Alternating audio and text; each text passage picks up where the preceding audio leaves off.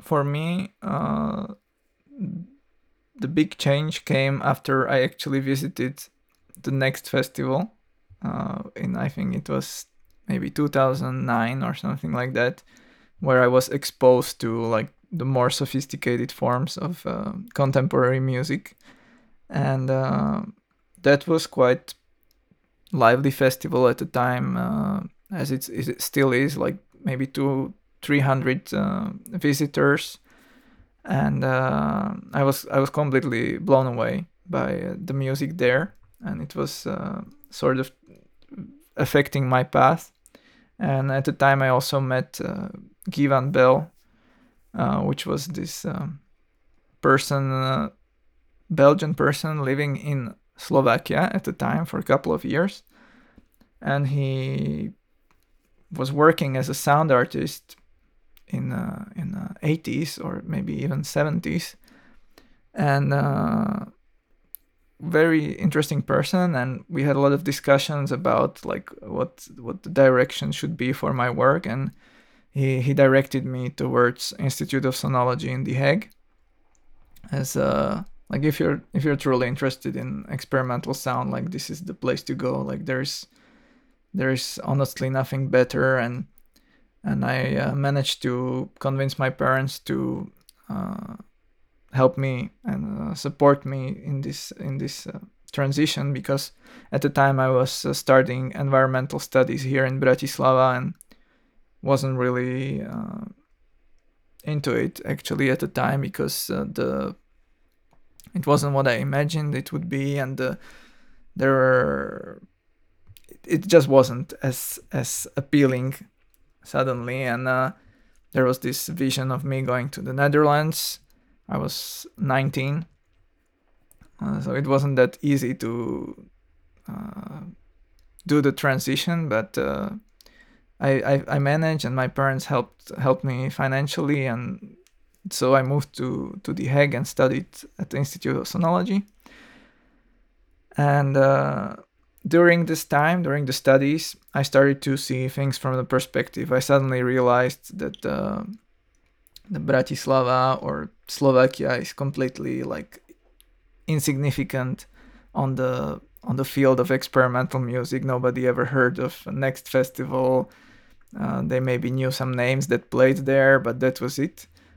And uh, that is where the idea of uh, creating a net label actually appeared because I felt like uh, it would be interesting to take these artists from Eastern Europe and present them in in the Western world to at least to my uh, like colleagues at the, at the institute. And uh, so I, I created a net label called Lom, and uh, at the time we were yeah releasing Eastern European music just as a digital web releases, and uh, it was always directed towards like the, West. So we were like always having English descriptions and always communicating in languages that people in the West understand.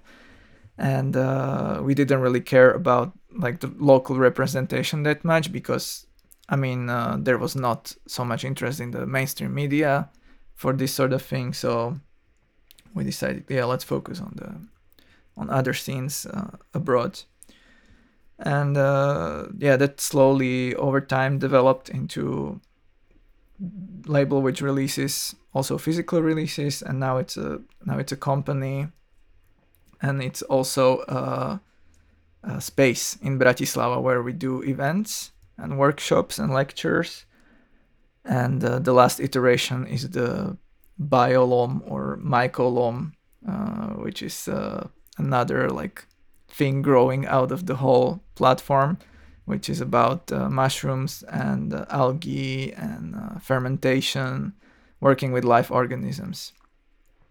So that that's my part of the story and uh, the part where I dis- the part of Bratislava was that I think Lom helped to also shaped uh, to shape a little bit the perspe- perception of experimental music because there was not really a similar label at the time.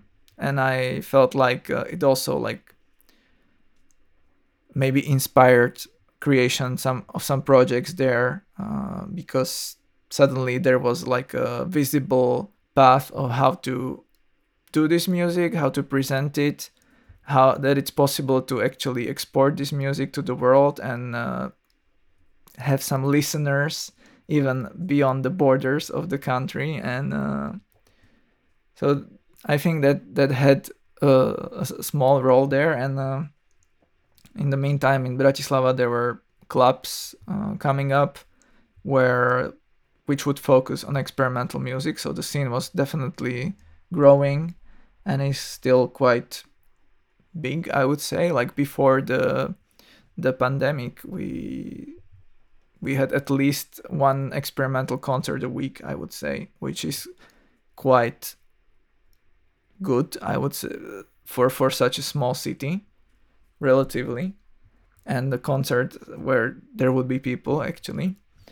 And uh, yeah there are these festivals like next or similar where there are a couple of hundred people. So the interest is here the the audience is educated in a sense.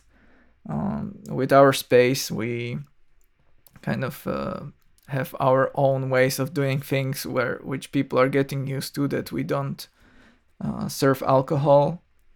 There is no bar. Only we serve only like uh, specialty coffee, and uh, we do concerts with in complete silence. Like people are not allowed to talk during the gigs. So that's like kind of a more deep listening approach. And uh, so that's one part of the scene. And then there are more like club uh, oriented things where you can do louder stuff and uh, party kind of uh, music as well.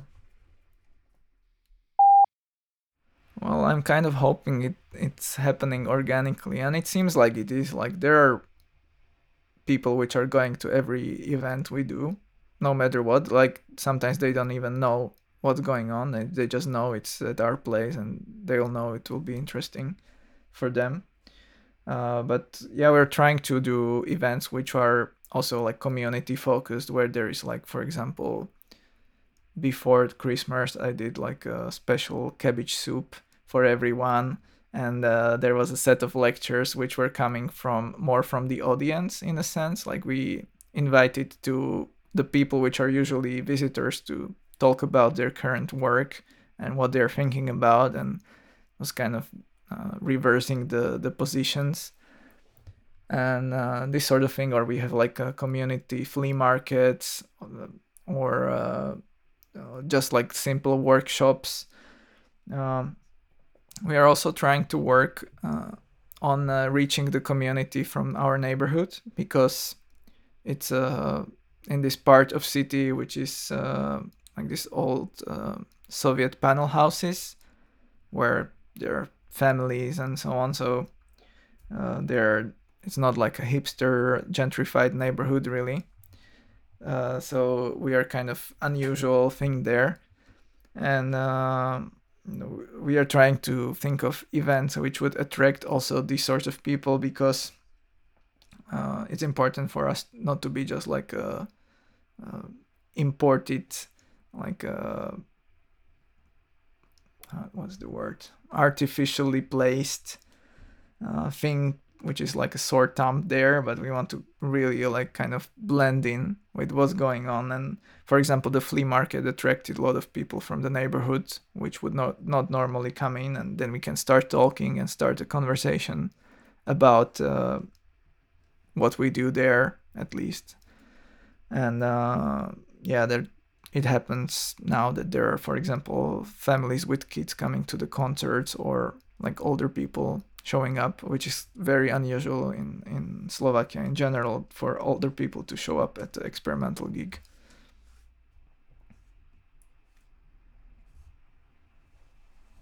So there's the cooking, there's the flea market, and also, I mean, how is LOM as a space, and, and and also the fact that you you are proposing the audience to be in complete silence. That's quite a challenge, and that's quite quite an issue as well. I'm, I'm not sure you would be able to do this in, in Barcelona, would you? no way you can do that in Spain. Mm. well, we we just uh, give them a lot of bad looks if they start talking, and if that doesn't scare them away, they usually stay for more concerts. but uh, yeah, it uh, it really works, and it it's a completely different atmosphere when when the performer can make uh, so quiet sounds that it doesn't need amplification. Like we, for example, had a violinist from uh, Belgrade uh, called Tiana Stankovic, and she was using her voice without any amplification, and she was doing this super tiny, uh, kind of similar to throat singing sounds and or different kinds of squeaks and squeals with her with her voice and you could hear it in the whole room because it was the audience was so silent and kept their also like the sounds of rustling of their clothes and everything they kept still so they can hear everything. They actually like wanted to hear so they realized they need to be super quiet to actually perceive what's going on. So i think that's like magical and and uh, sometimes we also do concerts in the dark in a sense that we only leave the lights from the street coming through the to the front windows in and so that's completely silent and also very dark. So then the, it takes another another layer the performance. I'm, I'm curious so first it was Lom the label and then was Lom the space yeah it was uh, first yeah lom label then lom as a instrument manufacturing company. That was the second development and the sp- space was uh, third. That was actually just two years ago. Otherwise lom is i think maybe like 10 years now. 10 years old. So uh, yeah like uh, we had spaces before, but this is the two years ago we finally moved into a space which has like public facing part. And this uh, yeah for, former butcher butcher shop. So the for, front part of the butcher shop is the the part where we do concerts. All tiles on the walls. Uh, so Lom Plus You is an initiative uh, I started, I think, like three, maybe four years ago. And it basically came up as a way of uh, supporting artists in need. So, like, I uh, once every every so often I, I encounter an artist which is super interesting and uh, happens to be quite poor and cannot afford like proper equipment and uh, i decided to like just give away some microphones or other types of instruments to these sort of artists as a way of supporting their work.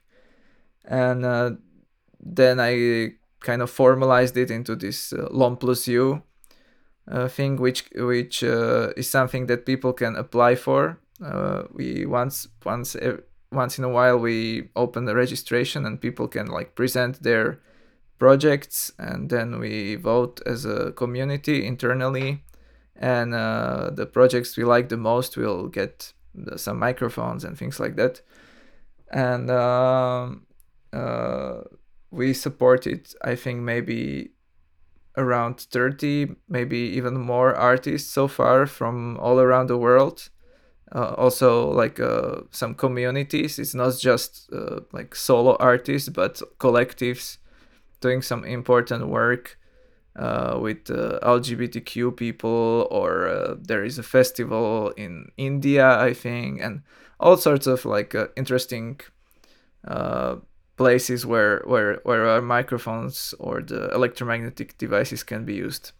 And uh, the second thing you, is the LOM space, which is an actual physical space we have in Bratislava where we organize uh, like a real life stuff. So concerts, uh, workshops, uh, like uh, some meetups. We had uh, several field recording meetups, lectures, and so on. So everything quite closely connected to experimental sound and uh, experimental art. Like once in a while, we also have a experimental theater there or uh, like a small exhibition. Uh, it is uh, actually a different sort of mechanism because uh, this, these piezo elements have all sorts of problems coming with them and uh, for the purposes of measuring seismic activity on very low frequencies the more used way is to use this element constructed of coil and a magnet. And uh, the coil is on springs and it's moving around the magnet. And if you if it receives a vibration it starts to like move around and that actually creates the sound. So it's kind of similar to a dynamic microphone where you have a diaphragm and a coil and a magnet. And when you sing the, the diaphragm moves the coil around the magnet and that produces the alternating current. And that's same same same goes for the geophone but that one is enclosed. And uh, it's super sensitive. So even very faint vibrations can be captured like that because it's designed for measurements. And there is the, the product itself is not really innovative uh, but uh, what is innovative is that it was never like commercially adjusted for uh, field recordists so uh, there were field recordists recording with geophones many years but they were kind of from my experience, very protective about how they actually do it, and they were kind of uh, worried that now everyone will be recording with geophones, and it will be this big hype, and it won't be special anymore, or something like that, which I think is uh, quite crazy. But uh, yeah, so I, I transformed this uh, geophone element made by an industrial company into something you can plug into your recorder. So I created the way how to interface it with something that field recorders use. And so they can use it directly with the equipment they have and they don't need like special scientific uh, devices to, to, to do it. So as I said, like I, I, I don't consider it as an invention because I didn't invent the, any of it. I just like uh, put it in a good form uh, how to approach it in, from the field recorder's perspective.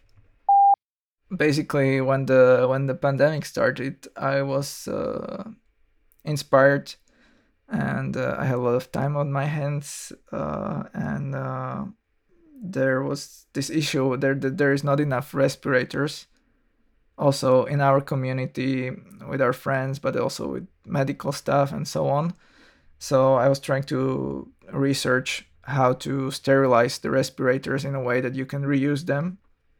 So I collected uh, many research papers on the topic. Of course, there was not, excuse me, there was not enough research on the coronavirus, but there was research on other viruses which were which were quite similar, and uh, found out that uh, the UV light can be actually used to disinfect surfaces and some hospitals are even using it to disinfect the respirators in the US and they did studies and uh, they had some good results. So I uh, decided to use my uh, knowledge to build small box where you can put your respirator uh, turn it on for one minute on each side and then it's like supposedly coronavirus free uh, because uh, the other thing with UV is that it not only kills or living organisms on the surfaces, but it also produces ozone,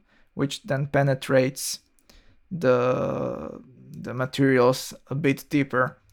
So I did like uh, all the math and physics on how much actually UV light there needs to be present on the surface, and I did all the calculations with the help of a bunch of physicist friends, and uh, we we achieved to some numbers and then multiplied it a couple of times to be safe and then we had like yeah this light needs to be on for this many seconds to kill the virus.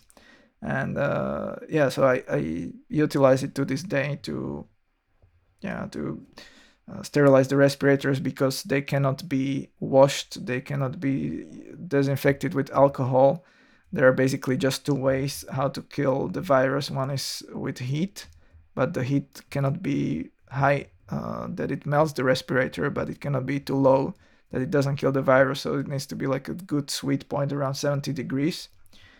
So you could use like a, a oven or something similar. And the other way is the, the UV light, which is more portable solution, which I have uh, in our uh, space where I can just like when I come in, I can pop in the respirator and uh, sterilize it because maybe you don't know, but uh, Slovakia was one of the very early adopters of mask wearing. Like I think we had mandatory masks since like half March, and it still lasts till day. Like if you go in the public transport or in a store, you have to wear a mask. And so we used a lot of masks. Everyone was like wearing masks, and uh, for a long time it was also like if you would go out of your house, you would wear a mask all the time. So there was a lot of need for for this, and and the whole project uh, I designed was open source again, so people could build their own uh, sterilizers if they wanted. So I guess uh, that was it, but it wasn't like an artistic project. It was just like based on the current need for uh, this sort of disinfection work. But I will uh, use the, the UV lights in my mycological practice as well because it can uh, sterilize petri dishes or all, all sorts of instruments. It's it's useful for other things as well.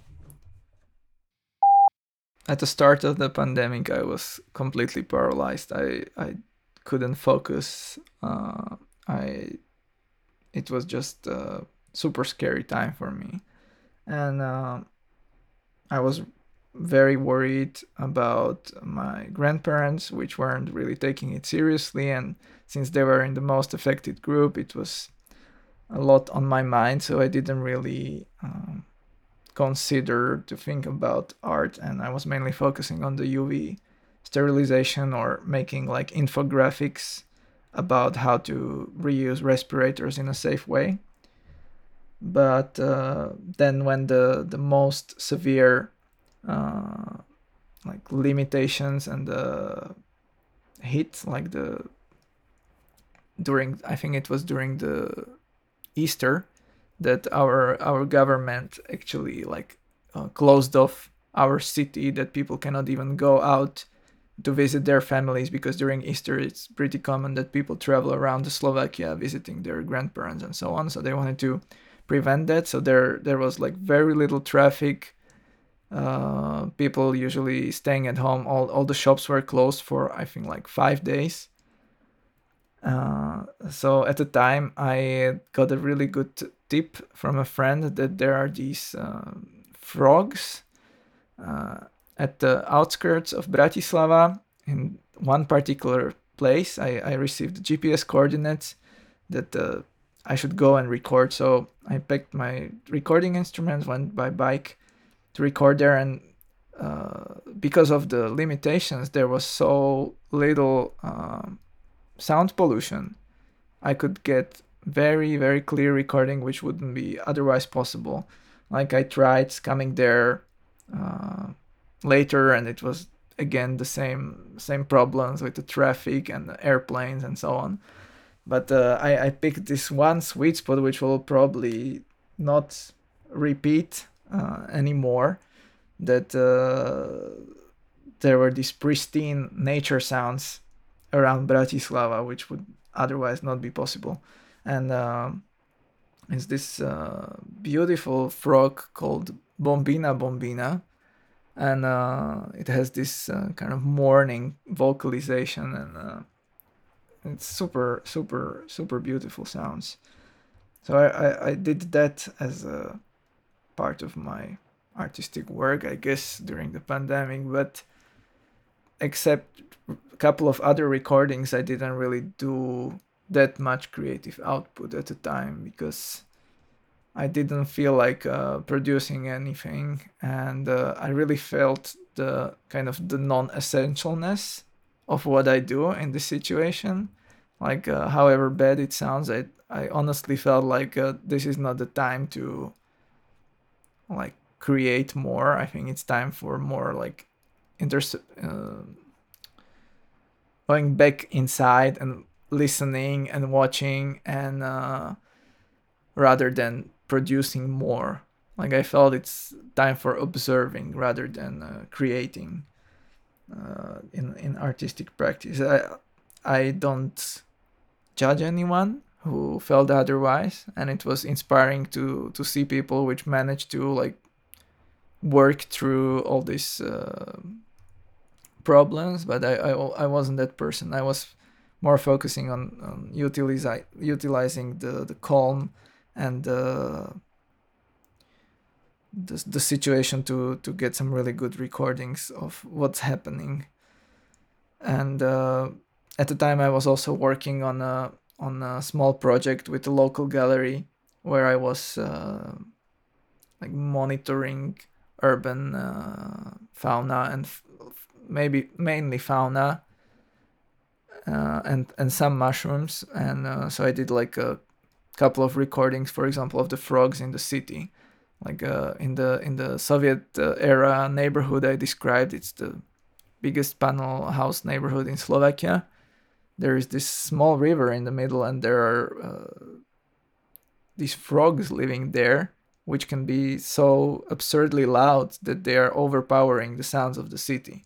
So I was, for example, recording that and things like that. So. Uh, that, yeah, that, that is about it. More more observing rather than creating. There is this uh, movie, anime movie about Agharta, like this uh, inner world inside the Earth. I don't know if you know this concept, but it's like a hollow Earth theory, uh, which was uh, uh,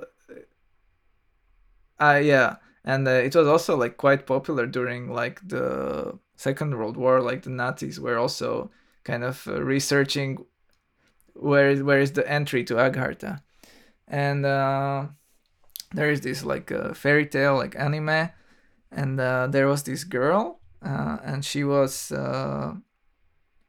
using this box as a radio, and the the whole box had like this antenna which reminded me of Priezor, and then she had a crystal like a small stone, like a crystal stone, and a tiny like a hand with a wire on the end, and she was kind of scratching the crystal to tune uh, a, a, certain radio frequency from the Agharta. And I was like, yeah, okay, it's a it's a fairy tale, and this is like a made up device that uh, that uh, they like created for this. And uh, but then I found out that actually this is how the radios looked and that you actually scratched a crystal to tune the radio and uh, I, I was completely blown away by this like minimalistic technology because it doesn't even uh, need a battery it uh, the signal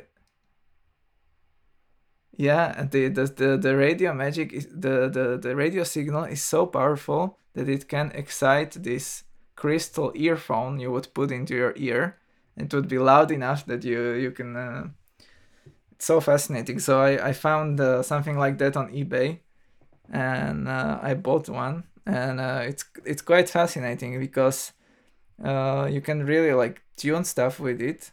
It doesn't have like a output jack, and uh, you connect the output just like with two screws. You basically have to like screw in the terminals of your headphone or something like that and tune stuff and uh, then you're just like aligning the antenna in space and uh, scratching the crystals and uh, uh, there is a, at the top of the, the tiny adjustment hand there is a, this wire which is like sp- spiraled and it's called uh, cat whisker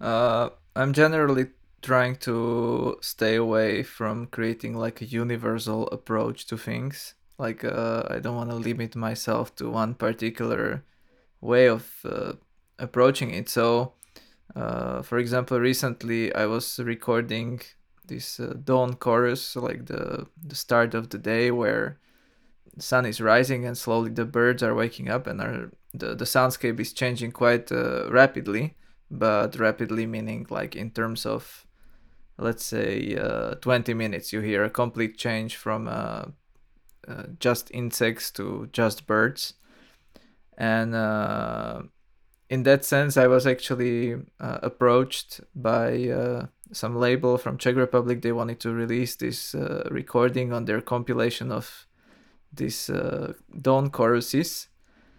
Uh, but and they told me like there is a 10 minute limit and i realized there is no way i can uh, reduce the experience into 10 minutes. Like i tried finding like the 10 minutes which would like uh, really capture the essence of the process and it was just impossible because like uh, the reason why i think it works is the the actual duration. Like you really have to listen to it in in the real time to appreciate the change so in that sense like uh, i guess i have a way that i'm trying like rather trying to stay true to the to the recording as much as possible when it's uh, documenting something. In case I'm using it artistically uh, in a composition, I'm just uh, going wild with sounds and uh, using all sorts of processing, reverse playback, uh, changing the playback speeds and things like that. So uh, there, there are multiple approaches to this, and I don't like think there is one right one, but yeah, like with with the documenting uh, the the duration of certain events in time i feel like it's sometimes equally important as the particular sounds like the comp the, the natural composition of the sounds sometimes has a huge role in the whole experience um i mean i'm not doing like uh, straight political con- connection in there uh, I am, I mean, participating in like uh, demos and s- some kind of protests in the city, and I'm.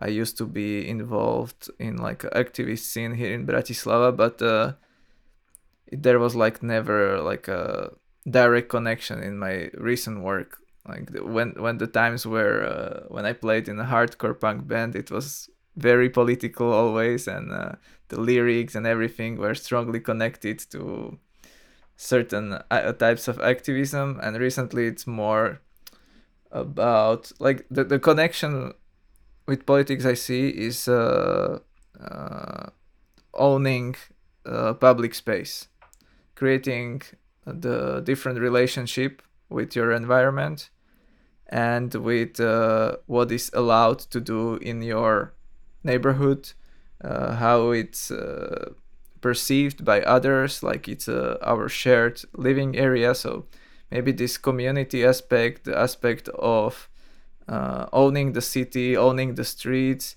uh, maybe a little bit of uh, like a local patriotism in a sense that we are re-evaluating our position as citizens and yeah like maybe uh, re-approaching what what can be done with uh, with the soundscapes around us.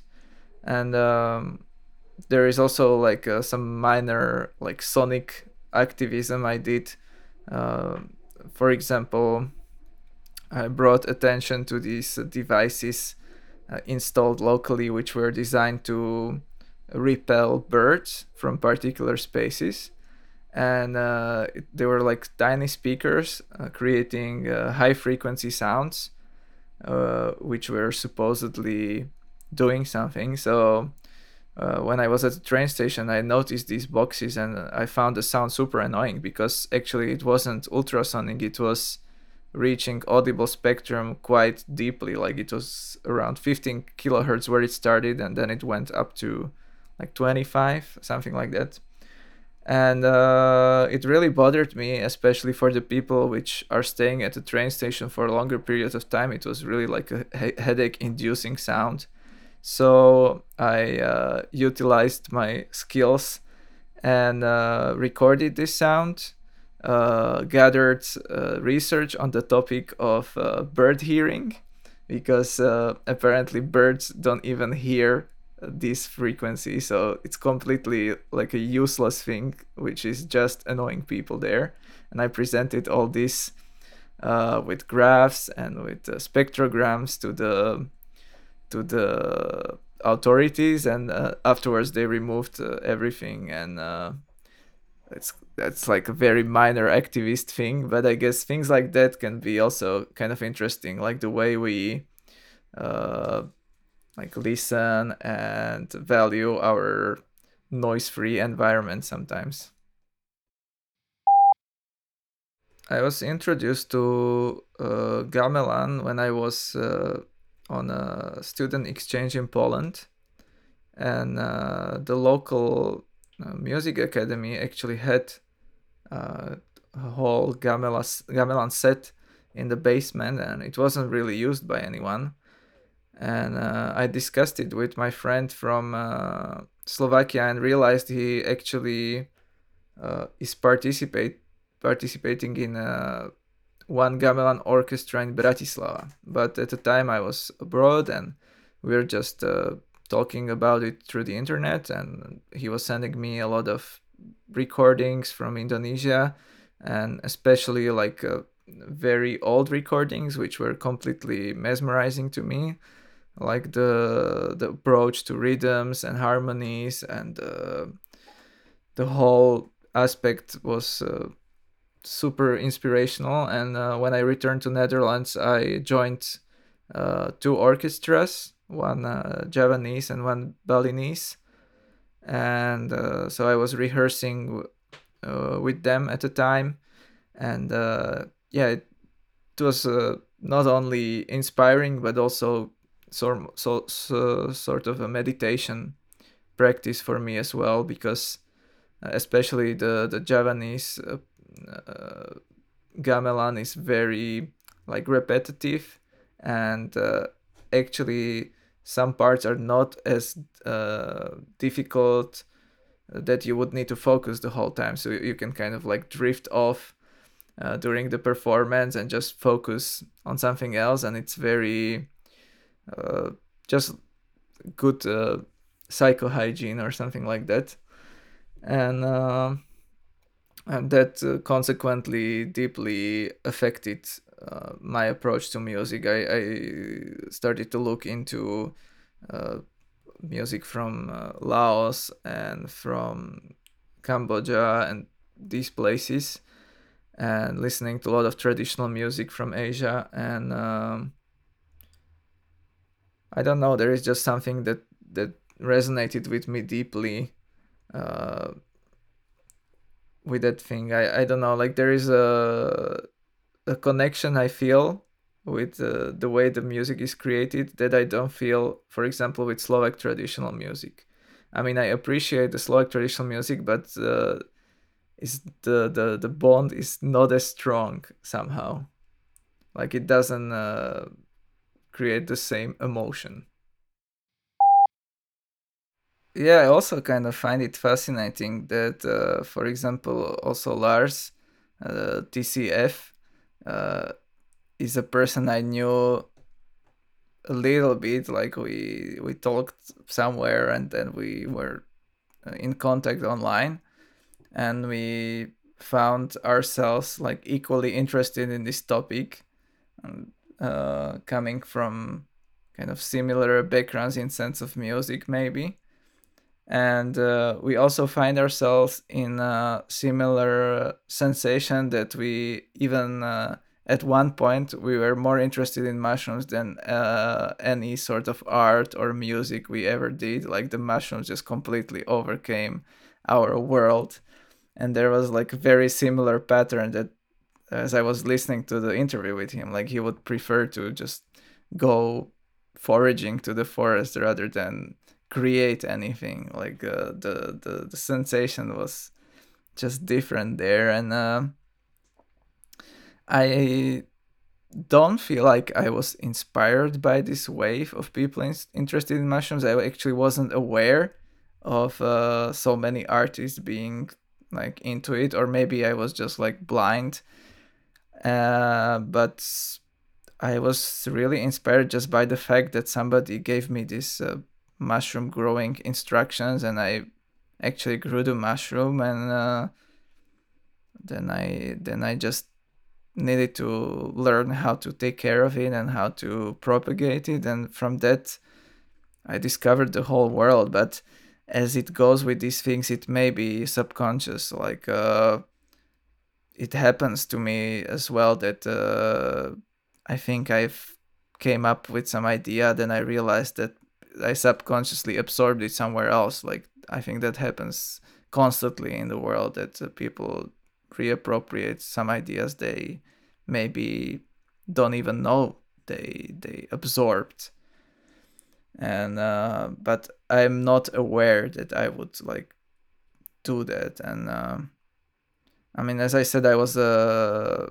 avid forager for for years uh, like several like maybe last five years i was just uh, every year visiting forests to collect these uh, parasol mushrooms which are um, beautiful big and tall uh, things uh, beings uh, coming up in the forests around bratislava and they're uh, like a delicacy.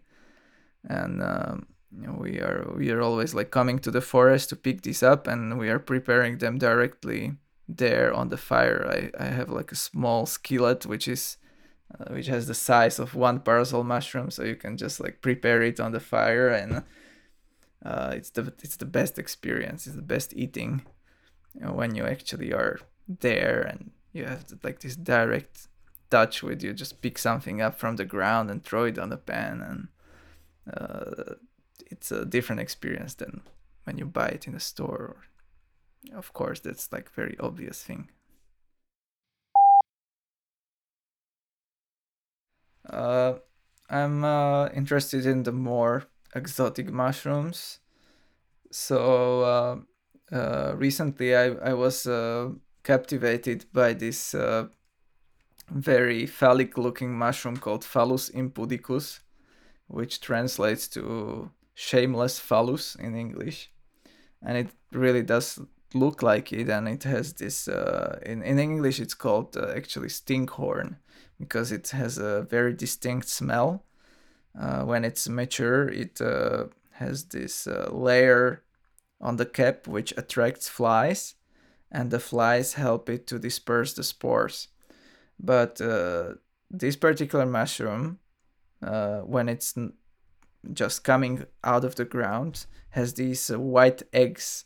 Like it really looks like a net, uh, like a small white egg. And uh, apparently that part is uh, very edible and a delicacy. I uh, never tried it but uh, since it's not a mycorrhizal mushroom meaning that it doesn't need a tree or a plant host to to grow uh, it's actually possible to grow these. And uh, I saw somewhere on the internet uh, one guy which was able to clone this mushroom on agar, which is a great starting point for each mushroom cultivator when you're able to isolate the mushroom from the forest and bring it to the lab and have it there. So I'm, I'm thinking about trying that, and uh, then there are also like uh, the the parasol mushroom, which I mentioned, is something people are trying to cultivate. Uh, there are several research paper on uh, like different experiments. So far, no one has been able to do it in laboratory conditions, like to find the proper setting. But it's yeah also something to experiment with because again the the parasol mushroom is a decomposer, so it doesn't need uh, other plants to live, but uh, the research suggested that it actually may need some particular bacteria from the soil uh, for its uh, fruiting. So there are all these nuances to mushroom growing that you're trying to simulate the environment where the mushrooms actually grow. But on the other hand, you need to avoid uh, like competitors for the mushroom. You need to try to avoid molds and all sorts of microorganisms which could potentially harm the mushroom. So there's like a like magic basically with certain types. Like certain types are easy to grow, they're like well documented, and certain types are just uh, pure coincidence most of the time. Uh, I started with oyster mushrooms because that is the basically the easiest one to grow. It's a very powerful mushroom in a sense that uh, it can grow in variety of conditions.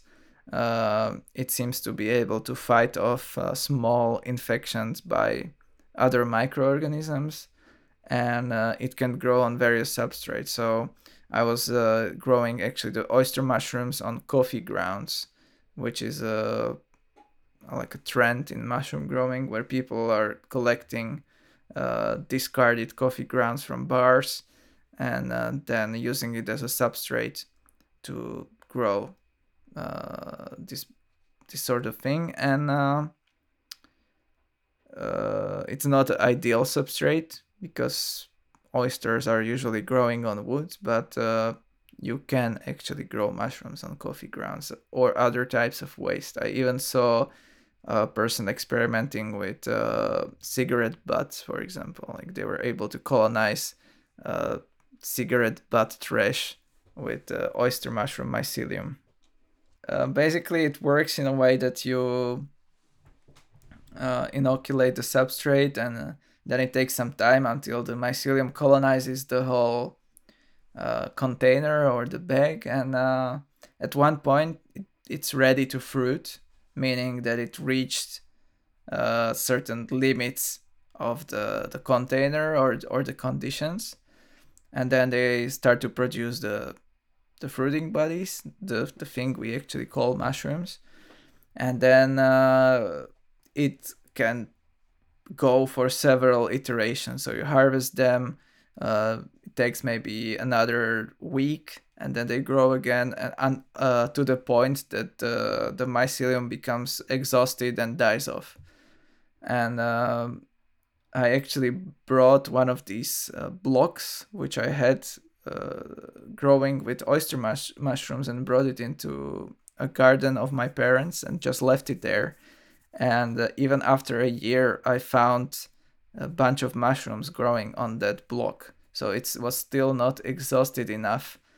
And when the conditions were right like there was uh, enough rain and uh, the right temperature it was still able to produce uh, something even th- though the part of the the block was already eaten by different bugs and insects it was still like going strong. So it's quite um, uh, fertile or uh, vigorous organism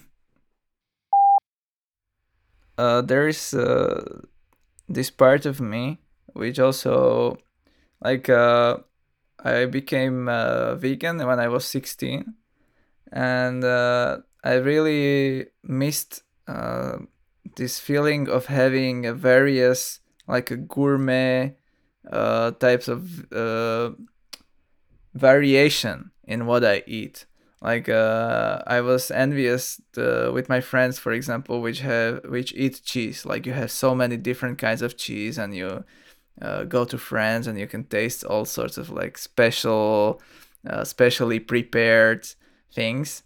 And uh, the mushrooms are kind of similar experience to me. Like uh, once you learn how to recognize the more like unconventional edible mushrooms, you have all this variety around you in terms of tastes and texture, and uh, you can bring this sort of uh, uh, gourmet cuisine back to the the, the vegan cooking. I'm uh, not uh, eating vegan uh, completely anymore. I'm more more of a vegetarian at the moment due to like some health uh, issues, but uh, still i mean the the mushroom is a super interesting food also in terms of like the nutrition because it uh, i mean it doesn't have like so much protein or fat but it actually gathers all these micronutrients from the environment which uh, like the minerals basically. So it's bringing the forest back to your uh, table in a sense and uh, it can also be harmful of course like when you have mushrooms growing on uh, places where there was mining going on. These mushrooms are able to gather these heavy metals from the soil and they can be actually not healthy at all at that point. So there are places in Slovakia and Czech Republic where people just uh, are avoiding in terms of mushroom picking because of that that uh, the mushroom contain way too much of some mercury or this sort of thing. Some some mushrooms even harvest gold uh, from the ground. Like there are particular species which are just with with the mycelium is interested in gold, and uh, then there are mushrooms which are harvesting uh, radioactive uh, material. So since the uh, Chernobyl, there was this uh, cloud going over over the Europe, and some places were affected more than others. But uh, the remains of this catastrophe are still visible in the mushroom world because the the mushrooms are gathering the the cesium, I think it is, from the soil, and uh, uh, then there are wild hogs which eat those cesium in enriched mushrooms and uh, when the the hunters kill this hog and want to eat it they actually need to check with the the dosimeter if if if if it if it's not too radioactive. Uh, i know at least in germany this still happens that when they kill a wild hog they they are checking for uh, amount of radioactive material there. And uh, even when uh, another story I heard is that uh, when there's importing going on of uh, like some mushrooms from Italy, uh, they found particular particular mushroom which had just too much radioactive material in there, and it got there through their ability of like uh, gathering stuff from the environment. Uh, some some people got it uh, mixed up wrong. They they mix up two different information, like there is uh, information about certain animals that they cannot live in an environment which is too polluted. And with mushrooms it's uh, not exactly like that. They actually can live in the polluted environment and, and they actually clean the polluted environment by gathering the all the pollution into their fruiting body. So uh, they definitely can live even in an urban environment like I often found different sorts of mushrooms in, in the city and but I would never eat them because they probably harvested a lot of like uh, nasty stuff from from from everything what's going on with the cars and the pollution around us.